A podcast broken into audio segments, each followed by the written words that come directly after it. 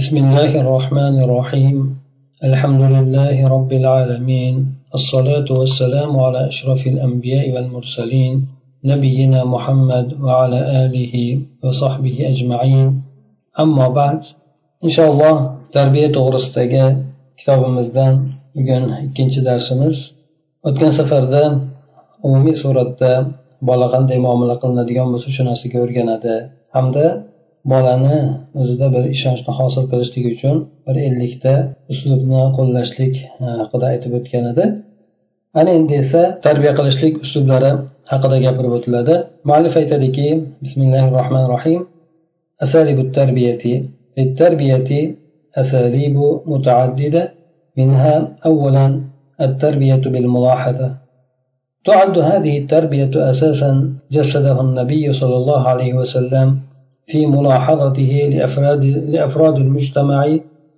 تلك الملاحظات التي يعقبها التوجيه الرشيد والمقصود بالتربية بالملاحظة ملاحقة ولد وملازمته في التكوين العقيدي أقدي بلشكرك والأخلاقي ومراقبته وملاحظته في الإعداد النفسي والاجتماعي والسؤال المستمر عن وضعه وحاله في تربيته الجسمية وتحصيله العلمي وهذا يعني أن الملاحظة لا بد أن تكون شاملة لجميع جوانب الشخصية.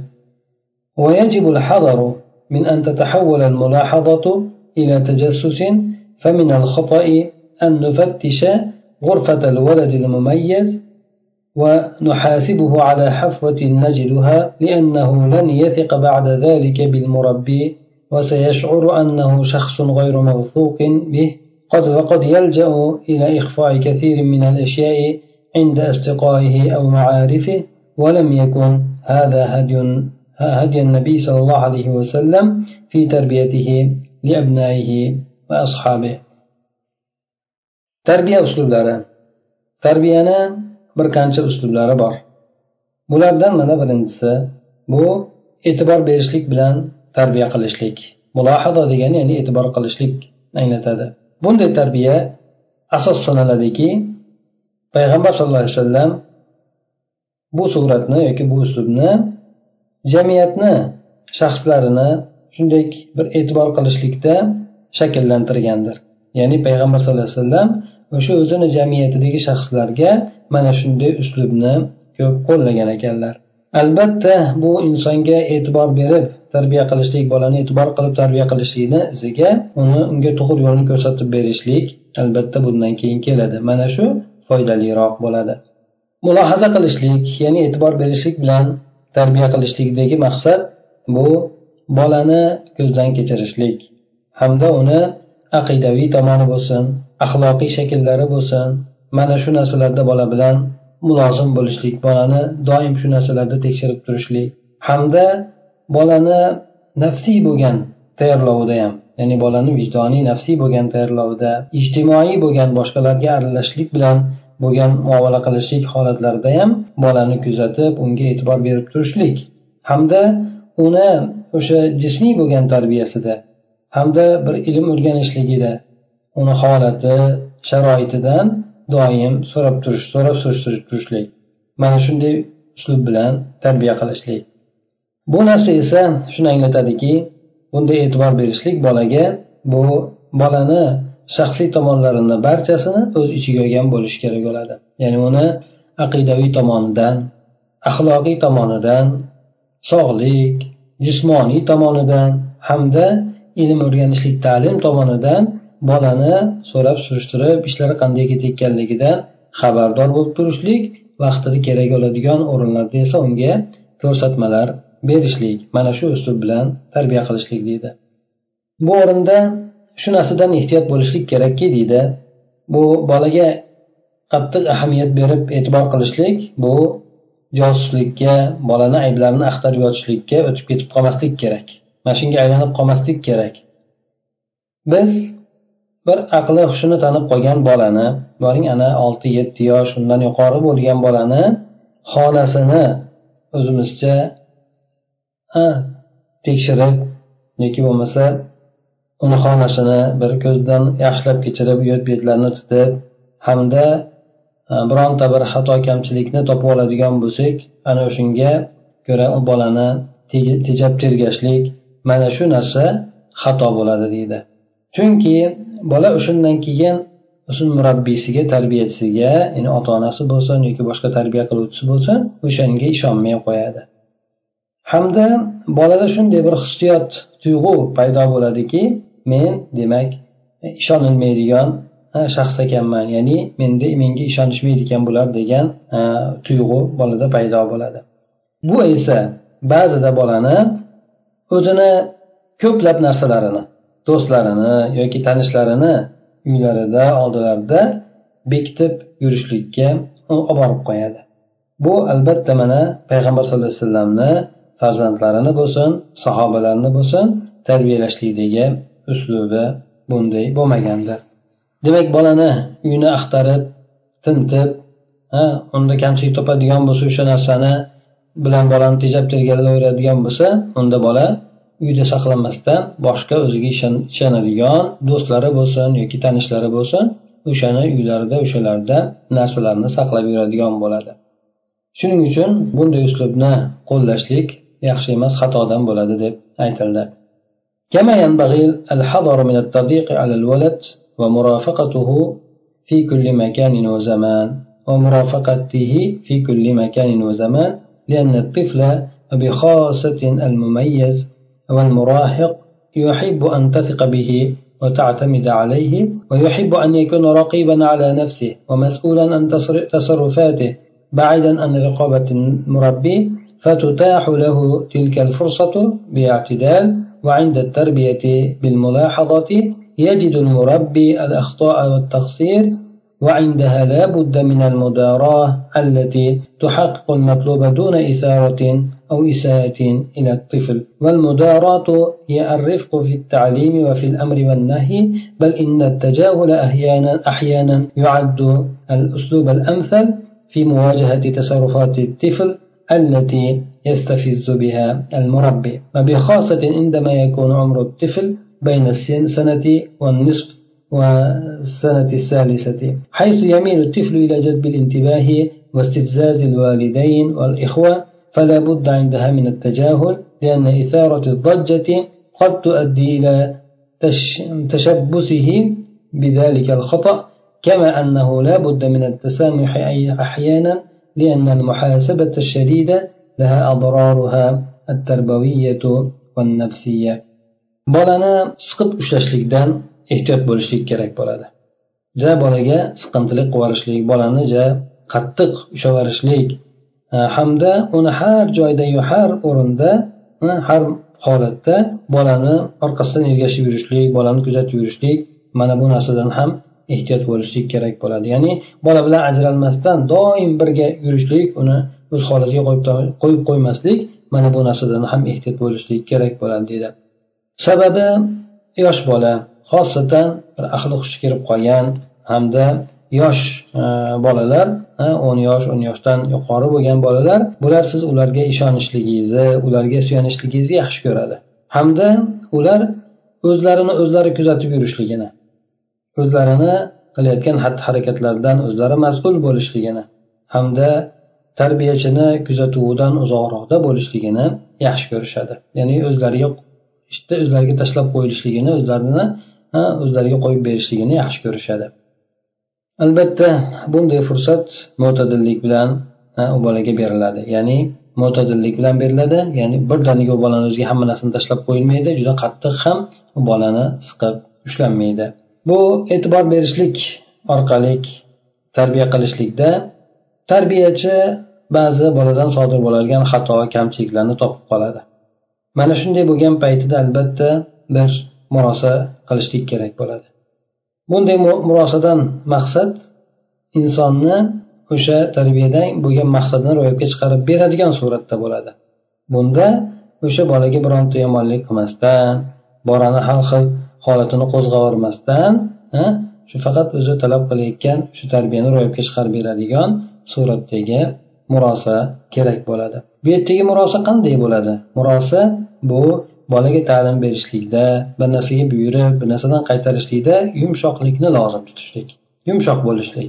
Balki ba'zi o'rinlarda ba'zi holatlarda o'zi bilib turib kamchiliklarni ayblarini nuqsonlarini bilib turib bilmaslikka olish ham bu bolani xatti harakatlariga qarshi turishlikdagi bir namunaviy bir uslub bo'ladi. Albatta bu bola o'zini bunday xatti harakatlari bilan tarbiyachini qiyin bir holatga solib qo'yadi. Xosatan yana bolani yoshi bir yarim yashar bilan uch yosh bo'lgan paytida o'ziga e, e'tiborni jalb qilishlikka harakat qiladi. Hamda ota onasini aka ukalarini bir qiyin bo'lgan holatlarga solib qo'yadi. Mana shunday bo'lib turgan paytlarida bolani o'sha qilayotgan ishini e, xatosi kamchiligini bilib turib bilmaslikka olib qo'yishlik bu yaxshiroq bo'ladi. Endi nimaga bunday deb aytyapmiz deganda sababi bu bolani qo'zg'ashlik bolaga to'polon chiqarishlik bolani deb turib bolaga baqir chaqir qilishlik bu narsa o'sha bolani qilib yurgan xatosini mahkam ushlashligiga olib borib qo'yadi. Ya'ni qattiq qaysarlik qiladigan bo'lsa bola tomonidan ham qaysarlik sodir bo'ladi. Chunonchi yana bola bilan birgalikda biroz samimiy bo'lish kerak biroz kechirimli bo'lish kerak bolaga nisbatan. chunki uni qattiq tejab tegab e, tergashlik bo'ladigan bo'lsa bolani qattiq hisob kitob qilib tergashlik bu narsani ham o'ziga yarasha tarbiyaviy tomondan ham bolani nafsiy tomonidan ham zararlari bo'lishi mumkin bo'ladi ثانيا التربية بالعادة المبحث الأول أصول التربية بالعادة الأصل في التربية بالعادة حديث النبي نبي صلى الله عليه وسلم في شأن الصلاة لأن التكرار الذي يدوم ثلاث سنوات كفيل بغرس العبادة حتى تصبح عادة راسخة في النفس. وكذلك إرشاد ابن مسعود رضي الله عنه حيث قال وعودوهم الخير فإن الخير عادة وبهذا تكون التربية بالعادة ليست خاصة بالشعائر التعبدية وحدها بل تشمل الآداب va ikkinchi uslubi bu odat bilan tarbiya qilishlik. Odatga bir narsani odatlantirishlik bilan tarbiya qilishlik. Bu ikkita mabhas ya'ni bir izlanishlikni o'z ichiga ikkita uslubni yoki ikkita yo'lni o'z ichiga olar ekan. Birinchisi o'sha odatlantirishlik bilan tarbiya qilishlik usuli qoidasi yoki asli asosi. Bu tarbiyadagi bunday uslubda ya'ni bir narsaga odatlantirib tarbiya qilishlikdagi asl asos bo'lgan narsa payg'ambar sallallohu alayhi vasallamni namoz haqidagi aytgan hadislaridir. Ya'ni bolalarga yetti yoshdan namozga buyuringlar o'n yoshda ularga qattiq teginglar degan mazmundagi hadislari. Bu yerda mana uch yil davom etadigan takror takror qilinadigan narsa namoz. Bu o'sha bolani qalbida ibodatni ekishlikka mahkam o'rnatishlikka yetarlik kafildir endi. Toinki bu yerda bolani nafsida mustahkam odatga aylanib qoladi. Uch yil shug'ullangandan keyin albatta bolada bu mustahkam o'rnashgan odatga aylanib qoladi. Shuningdek yana ibn masud roziyallohu anhuni ko'rsatmalari ham bor. U kishi aytganlarki bolalarga yaxshi bolalarni yaxshilikka o'rgatinglar chunki yaxshilik ham o'rgatiladigan odatdir. Shu bilan aytamizki deydi tarbiya qilishlik ya'ni bir narsaga o'rgatishlik odat qildirishlik uslubi bilan bo'lgan tarbiya bu faqatgina ibodatga xos bo'lgan narsalarga ibodatga ibodat uchun bo'lgan narsalarga xos emas ekan balki bu butun odoblarni ham yurish turish xatti harakatlarini ham o'z ichiga olar ekan. Demak yuqorida payg'ambar sallallohu alayhi vasallam ibodatni misol keltirib aytgandilar ya'ni yetti yoshda o'rgatinglar namoz o'qishlikni o'n yoshda qattiqroq teginglar degan uch yil demak bola odatlanib o'rganadi undan keyin bola o'sha narsani qilishlikka juda ham oson bo'lib qoladi bolaga bola o'sha narsaga ko'nikib qoladi mana shu demak hadisni asl asos qilib turib bolalarga boshqa yaxshi bo'lgan odatlarni o'rgatishlik ularga o'sha narsalarni takror takror qildirishlik bilan bola o'sha narsalarga sekin sekin ko'nikib odatlanib boradi bu esa axloqini ham odobini ham yurish turishni ham yaxshilashligiga sabab bo'ladi المبحث الثاني كيفية التربية بالعادة ولكي نعود الطفل على العبادات والعادات الحسنة يجب أن نبذل الجهود المختلفة ليتم تكرار العمل أعمال والمواظبة والمواظبة عليها بالترغيب والترهيب والقدوة المتابعة وغيرها من الوسائل التربوية. يبدأ تكوين العادات في سن مبكرة جدا فالطفل في شهره السادس يبتهج بتكرار الأعمال التي تسعد من حوله. وهذا التكرار يكون العادة ويظل هذا التكوين حتى السابعة وعلى الأم أن تبتعد عن الدلال منذ ولادة الطفل. ففي اليوم الأول يحس يحس الطفل بأنه محمول فيسكت. فإذا حمل دائما صارت عادته عادته. وكذلك إذا كانت الأم تسارع إلى حمله كلما بكى ولتحذر الأم كذلك من إيقاظ الرضيع ليرضع لأنها بذلك تنغص عليه نومه وتعوده تعوده على طلب الطعام في الليل والاستيقاظ له وإن, وإن لم يكن الجوع شديدا. وقد تستمر هذه العادة حتى سن متأخرة فيصعب عليه تركها.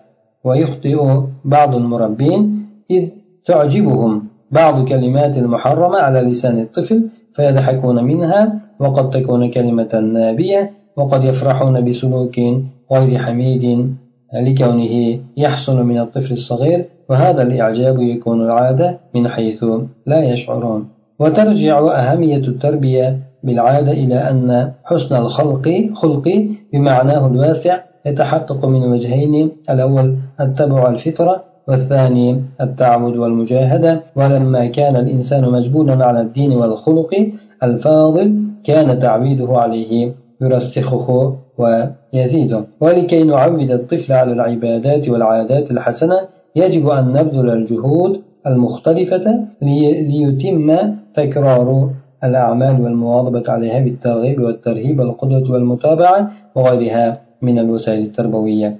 Ikkinchi mabhasda aytadiki ho'p endi odatlantirishlik orqali tarbiya qilishlik qanday olib boriladi? Bolani ibodatlarga ham yaxshi bo'lgan odatlarga ham o'rgatishligimiz uchun avvalo turli harakatlarni qilishligimiz kerak bo'ladi.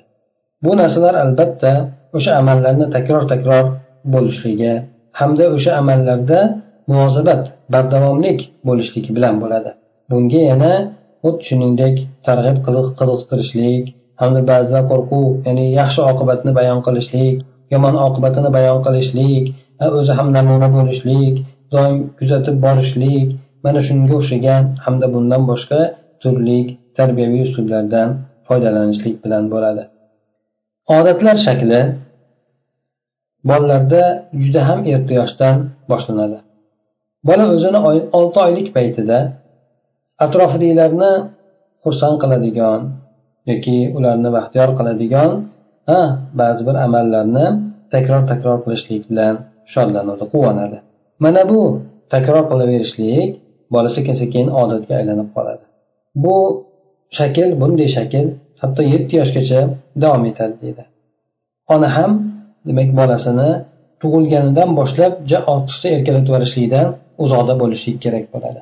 Birinchi kunida masalan bola o'zini ko'tarilayotgan ekanligini his qiladida jim bo'ladi. Ya'ni bola yig'laydi ko'taradigan bo'lsa jim bo'ladi. Agar bola shunday doimo ko'tarilaveradigan bo'lsa ko'tarilib uni ko'tarib yurishadigan bo'lsa ha bu bolani odati bo'lib qoladi. Shuningdek agar ona bolasini yig'lagan sari ko'tarishlikka shoshilaveradigan bo'lsa bunda ham sekin sekin bola o'sha odatga o'rganib qoladi. Shuning uchun ona yana shu bolasini emizishlik uchun uyqusidan uyg'otishlikdan ham ehtiyot bo'lsin. Sababi bola bolaga onasi uyqusini bulg'ab beradi ya'ni uyqusini buzadi. Uni kechasida taomni izlashlikka hamda taom uchun uyg'onishlikka garchi och ochligi juda qattiq bo'lmasa ham kechasida taom izlab unga uyg'onishlikka bolani o'rgatib qo'yadi. Ba'zan esa bu odat ancha kech yoshgacha ancha keyingacha davom etadi bolalarda. Bu bolaga o'sha narsani tark qilishligi juda qiyin bo'ladi. Kechasida bezovta bo'lib yig'layveradi. Shuningdek yana ba'zi o'sha tarbiya qilayotgan kimsalar ota onalar bo'lsin boshqalar bo'lsin bularni o'sha bolani tilida bu chiqayotgan harom ba'zi so'zlar ham ajablantirib qoladi. O'shandan kulishadi. Ba'zi bolalar demak e, harom bo'lgan gaplarni aytadi lekin bundan kulishadi. Bu ham sekin sekin odatga aylanadi. Garchi bu e, bola aytayotgan so'zlar uyat so'zlar bo'lsa ham endi. Shuningdek ba'zida bolalarni yaxshi bo'lmagan qiliqlari bilan ham xursand bo'lishadi. Shu kichkina boladan sodir bo'layotganligi uchun xunuk bo'lgan qiliqlardan ham xursand bo'lib kulishadi. Bu ajablanishlik bu xursand bo'lishlik ba'zida o'zlari bilmagan holatida odatga aylanib qoladi. Ya'ni bola bir xulq qiliqlarni qiladigan bo'lsa uni ustidan kulaverishlik o'sha narsani qilganligidan kulaverishlik bu bolalarda sekin sekin ko'nikma bo'lib odat bo'lib qoladi ekanki bu narsani ham yoshi kattaroq bo'lganda ham bu narsa ya'ni odam o'zi sabab bo'lib qoladi xunuk bo'lgan narsalarni bolani yoshligidan o'rgatishlikka. Yana yuqoridagi iborani pastda takrorlab aytyaptiki bolani shu odatlarga yaxshi bo'lgan ibodatlarga odatlantirishligimiz uchun turli harakatlarni sarflashligimiz kerak bo'ladi.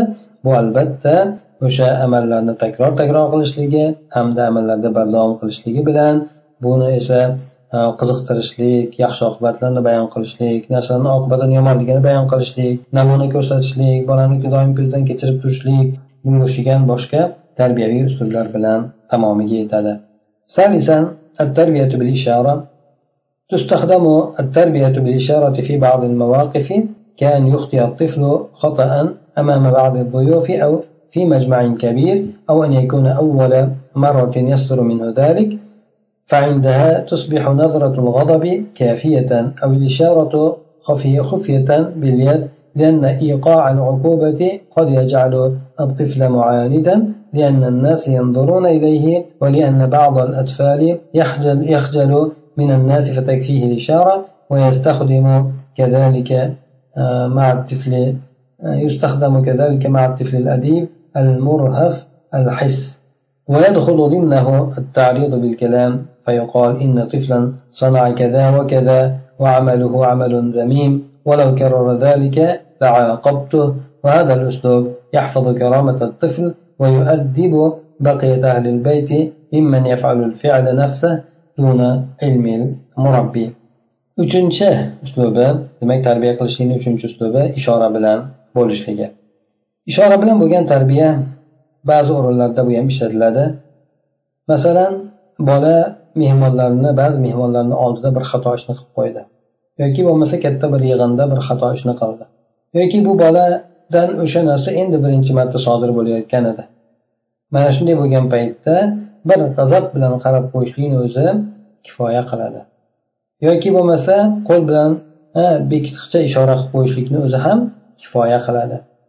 Bunday o'rinda bolaga jazo qo'llashlik uqubatlashlik bolani sarkash itoatsiz qilib qo'yadi qaysar qilib qo'yadi. Chunki odamlar qarab turgan bo'ladida. O'shaning uchun bola bolada ham qaysarlik e, tabiati paydo bo'ladi. Ba'zi bolalar esa odamlardan o'zi hijolat bo'ladi ko'pchilikni oldida bo'lganligi uchun. Shuning uchun qilib qo'ygan xatosidan bir ishora qilib qo'yishlik kifoya qiladi uni tiyinishligiga. Shuningdek yana bunday uslub ya'ni ishora bir ishorani qilib qo'yishlikni o'zi bilan tarbiya qilishlik uslubi e, bir odobli bo'ladigan ziyrak bo'lgan hissiyotli bo'lgan bolaga ham yetarli bo'ladi. Shularga ham mana shunday uslub ishlatiladi. Bu zimniga shuningdek gap bilan kinoya qilishlik ham shu zimniga kiradi. Masalan aytiladiki ha bir bola mana shunaqa mana shunaqa yomon ishni qilib qo'yibdi. Buni qilgan ishi judayam xunuk ish.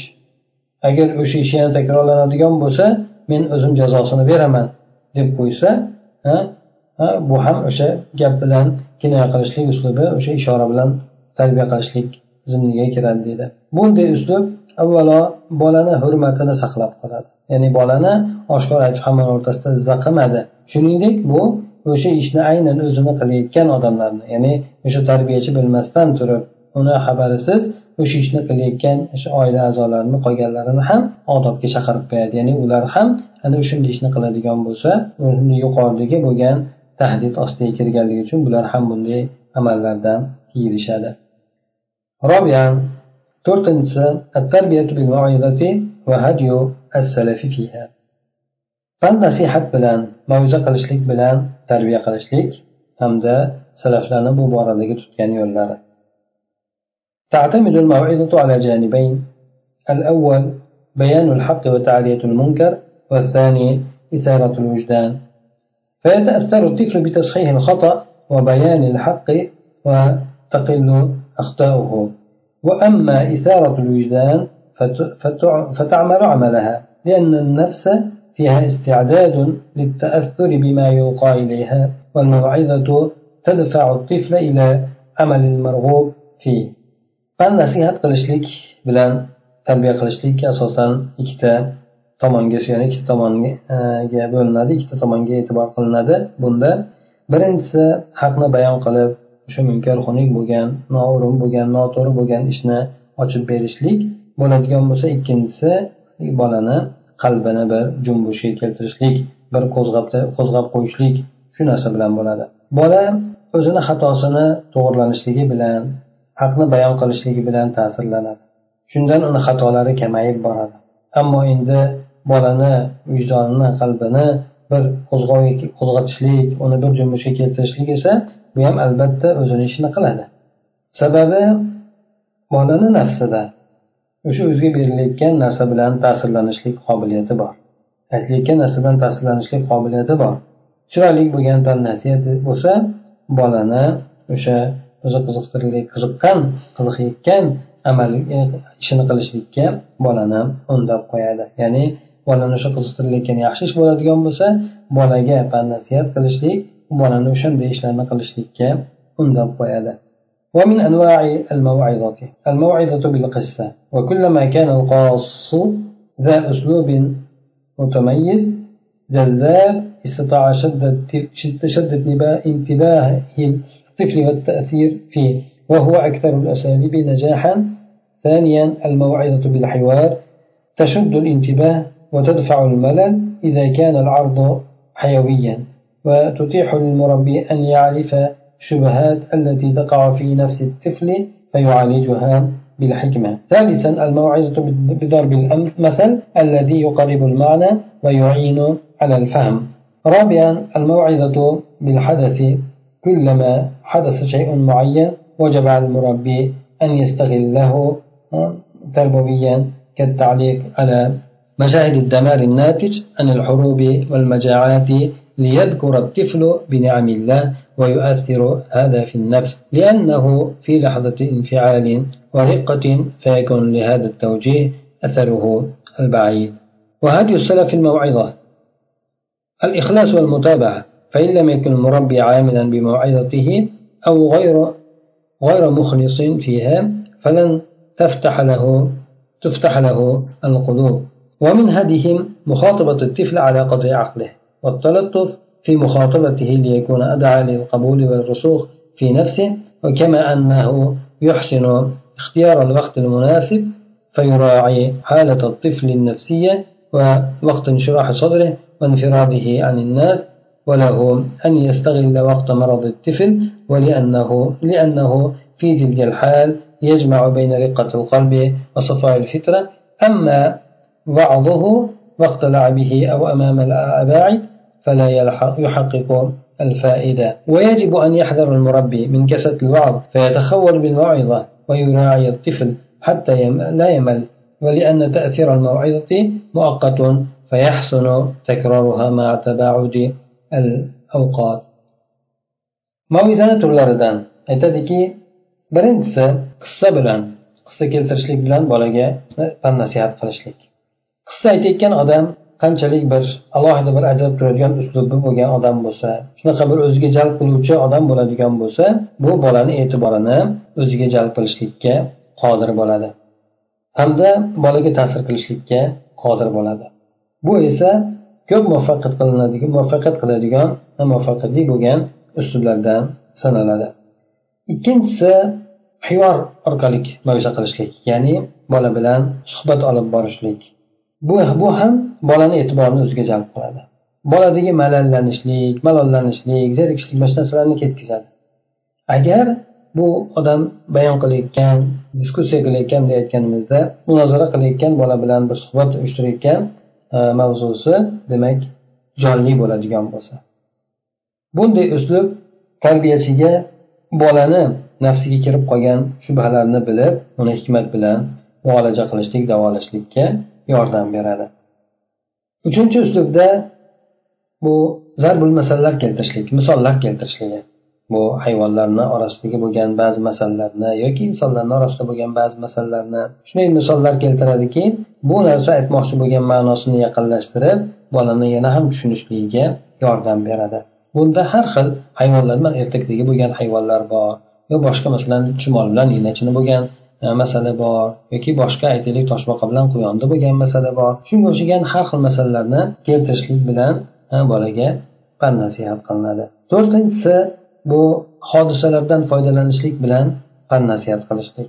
Qanaqa bir muayyan bir holat bir hodisa sodir bo'ladigan bo'lsa murabbiy bo'lgan tarbiyachi bo'lgan odamga o'sha holatdan tarbiyaviy suratda foydalanishlik lozim bo'ladi. Bu narsa masalan urushlardan yoki ocharchiliklardan kelib chiqqan o'sha vayronagarchilik ko'rinishlariga bir taliq qilishlik shularga bir izoh berishlik shularga bir qator e, gap aytib o'tishlik mana shu narsa orqali ham mumkin bo'ladi. Bu yerda albatta buni qilishlik bola alloh taolo ne'matlarini eslashligi uchun. Mana ko'rding mana aytaylik mana shunday e, ochlik mana somalda bo'layotgan bo'lsa bu ochlik bor boshqa joylarda bo'lgan ochlik bor mana senda ovqatlaring oldingda turibdi e, shuncha aytaylik bular shunday bo'lgan holatda ham mana yaxshi o'qishyapti yaxshi boshqa qilishyapti.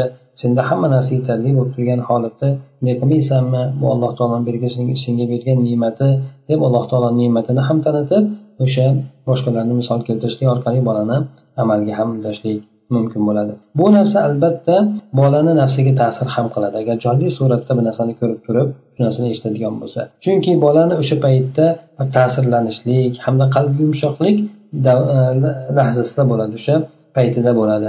Shuning uchun bunday ko'rsatmani e, asorati juda ham uzoqqacha bo'ladi. Salaflarni bunday e, mavza qilishlikda pand nasihat qilishlikdagi yo'llari tutgan o'rinlari shunday bo'lganki avvalo bular o'sha narsani qiladigan bir ishni pan nasihat qiladigan bo'lsa bunda ixlos qilishgan xolis xudo uchun qilishgan hamda payg'ambar sallallohu alayhi vasallamni uslublariga yondashgan holatda qilishgan. Agar mana olib ko'radigan bo'lsak tarbiya qilayotgan kimsa o'zi nasihat qilayotganiga amal qiluvchi bo'lmasa o'zi aytayotgan narsasiga o'zi amal qiluvchi bo'lmasa hamda o'sha narsada xolisligi bo'lmayotgan bo'lsa bunda hech qachon qalblar u odam uchun ochilmaydi. Yana o'sha salaflarni tutgan uslublardan shuki bolani aqliga yarasha gapirishlik hamda bolaga bo'lgan gapirayotgan uslubida bir erkalatishlik yoki yumshoqlik uslubini mahkam tutishligi uslubini qo'llashligi. Toki bu narsa bola tomonidan o'sha gaplarni qabul qilishligi qabul qilinishligiga hamda bolani qalbida mustahkam o'rnashligiga chaqiruvchi bo'ladi. Shuningdek yana o'sha munosib vaqtni tanlashligi ham kerak bo'ladi. Nasihat qiluvchi bo'lgan odam albatta o'shanga munosib bo'lgan vaqtni tanlash kerak. Bu yerda bolani nafsiy bo'lgan holatiga ham rioya qiladi. Bolani qalbi yayrab turgan payti odamlardan yolg'iz bo'lib ya'ni o'zi turgan o'zi yolg'iz holdagi bo'lgan holatlarni rioya qiladi. Yana shuningdek bolani kasal bo'lib turgan vaqtidan ham foydalanishligi mumkin. Chunki bunday bo'lgan holatda bola bola qalb yumshoqligi bilan fitratini musaffoligini orasini jamlagan bo'ladi. Qalbi yumshab o'sha fitrati tozalanib qolgan bo'ladi. Ammo endi bolani o'ynayotgan paytida yoki begona bo'lgan odamlarni oldida unga shunday pan nasihat qilinadigan bo'lsa bu ko'pincha foydani keltirmaydi ro'yobga chiqarmaydi. Tarbiyachi bo'lgan odam juda ko'p ham pan nasihat qilib yuborishligi mavza qilib yuborishligidan ehtiyot bo'lishi kerak. Mavizani oralatib oralatib pan nasihatni oralatib oralatib qilish kerak. Bunda shu bolaga ham rioya qilish kerakki toinki bola malollanib qolmasin u narsadan bezib zerikib qolmasin. Chunki maizani bo'lgan ta'siri bo'ladigan ta'siri bir vaqtinchalikdir. Uni vaqtlar o'tishligi bilan bir muddat bir muddatlarda qayta qayta takror qilib ko'rishlik ham yaxshi bo'ladi. Demak bu yuqorida aytib o'tgan usullarimizda bolalar mumayyiz yoshdan pastroqda bo'lsin ya'ni oq qorani ajratadigan paytlardan pastroqda bo'lsin ya'ni bu olti yetti yashar bo'ladi yoki undan yuqori bo'lsin yoki yoshlar bo'lsin shularga yo'naltirilgan yuqoridagi bo'lgan shu uslub tarbiya uslublarini bu kishi birma bir bayon qilib o'tdi yana boshqa uslublar ham qoldiki uni inshaalloh kelgusi darsimizda aytib o'tamiz سبحانك اللهم وبحمدك نشهد أن لا إله إلا أنت نستغفرك ونتوب إليك اللهم انفعنا بما علمتنا وعلمنا ما ينفعنا وزدنا علما